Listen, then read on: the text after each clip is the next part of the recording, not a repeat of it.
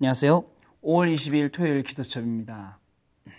한 주간 어, 많은 응답들 또 하나님 주신 많은 은혜들 그 속에서 우리 랩런트들 많이 영적으로 그리고 성장했고 또 지난 월요일 말씀처럼 운동을 통해서 많은 건강도 회복될 줄 회복되었을 줄로 믿습니다.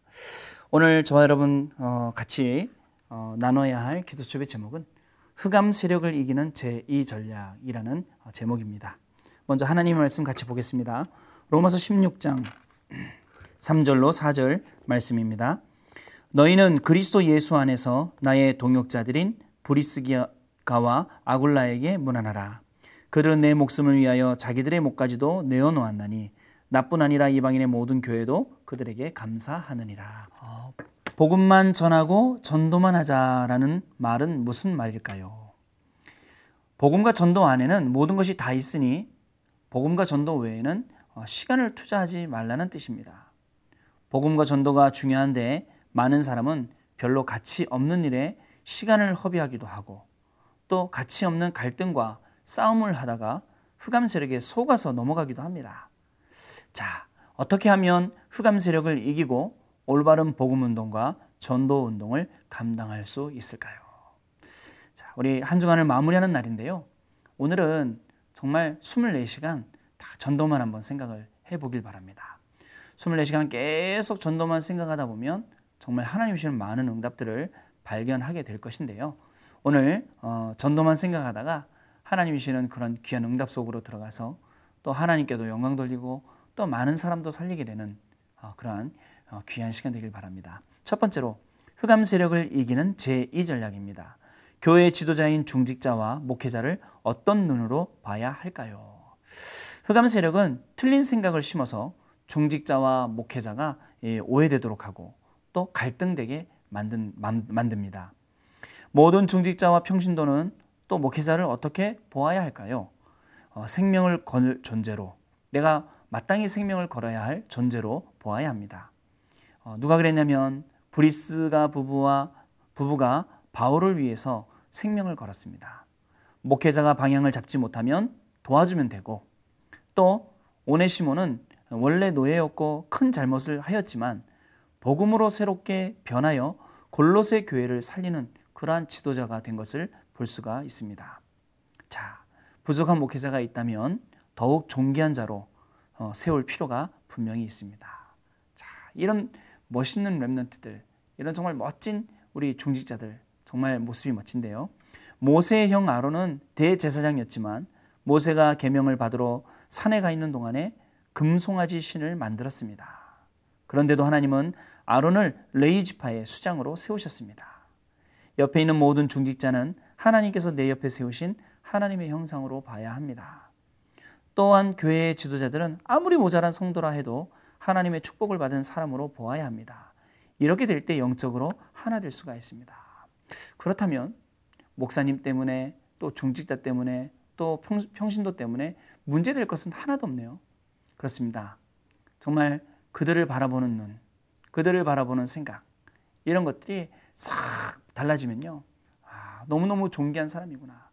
하나님께서 이 땅에 정말 필요하시기 때문에 우리 교회 중직자로 장로님을 세워주시고 또 교회 목사님도 보내주시고 또 이렇게 우리 옆에 있는 친구들 또 옆에 있는 우리 성도들 이렇게 보내셨구나 라고 하면서 이해가 되게 됩니다. 그러면 치유가 시작되게 되고 교회가 하는 모든 일을 통해서 많은 전도의 문들이 분명히 열리게 되어 있습니다. 근데 사탄은 거꾸로 오해하도록 갈등하도록 시험에 들도록 이렇게 하는데 오늘 이런 것들을 다 그리스도 이름으로 잘라버리고 오늘 내 옆에 있는 사람부터 새로운 눈으로 보고 또 교회 중직자 새로운 눈으로 또 교회 목사님 새로운 눈으로 보면서 아, 하나님이 주신 이 중요한 응답. 이것이 바로 흑암 세력을 이기는 전략이구나. 딱 깨닫고 승리하는 그런 귀한 시간 되길 바랍니다. 두 번째입니다. 전도자에게 맡긴 미래입니다. 기도하는 아나니아, 루디아, 야손과 브리스가 부부를 바울과 만나게 하셨다는 사실 여러분도 잘 아실 것입니다. 가이오는 바울뿐만 아니라 모든 전도자의 식주인이 되었다는 사실 여러분 알고 계시죠? 빌레모는 바울의 전도 사역을 전적으로 도울 경제 축복을 받았던 그런 인물입니다. 주의 종들을 도우며 생명을 건 브리스가 부부의 사업도 하나님께서는 분명히 축복을 하셨습니다. 하나님은요, 전도자에게 중요한 미래를 맡기십니다. 전도자를 통해 각 나라에 임할 어, 미래 재앙을 막게 됩니다. 문화를 살리고 세계를 복음화할 만큼 후대도 축복하시는 것을 볼 수가 있습니다. 이 축복은요, 복음으로 서로를 이해하고 그리스도 안에서 하나 되어 흑암 세력을 무력화시킬 때에 오는 중요한 이러한 응답들인 것입니다. 그렇습니다.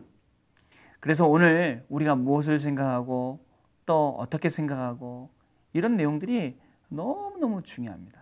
특히 랩런트들 어려서부터 사람을 보는 눈 그런 율법의 눈도 아니고 그런 정죄의 눈도 아니고 복음의 눈을 가지고 여러분들이 봐준다면 그 대상자는 마음껏 살아날 수가 있습니다.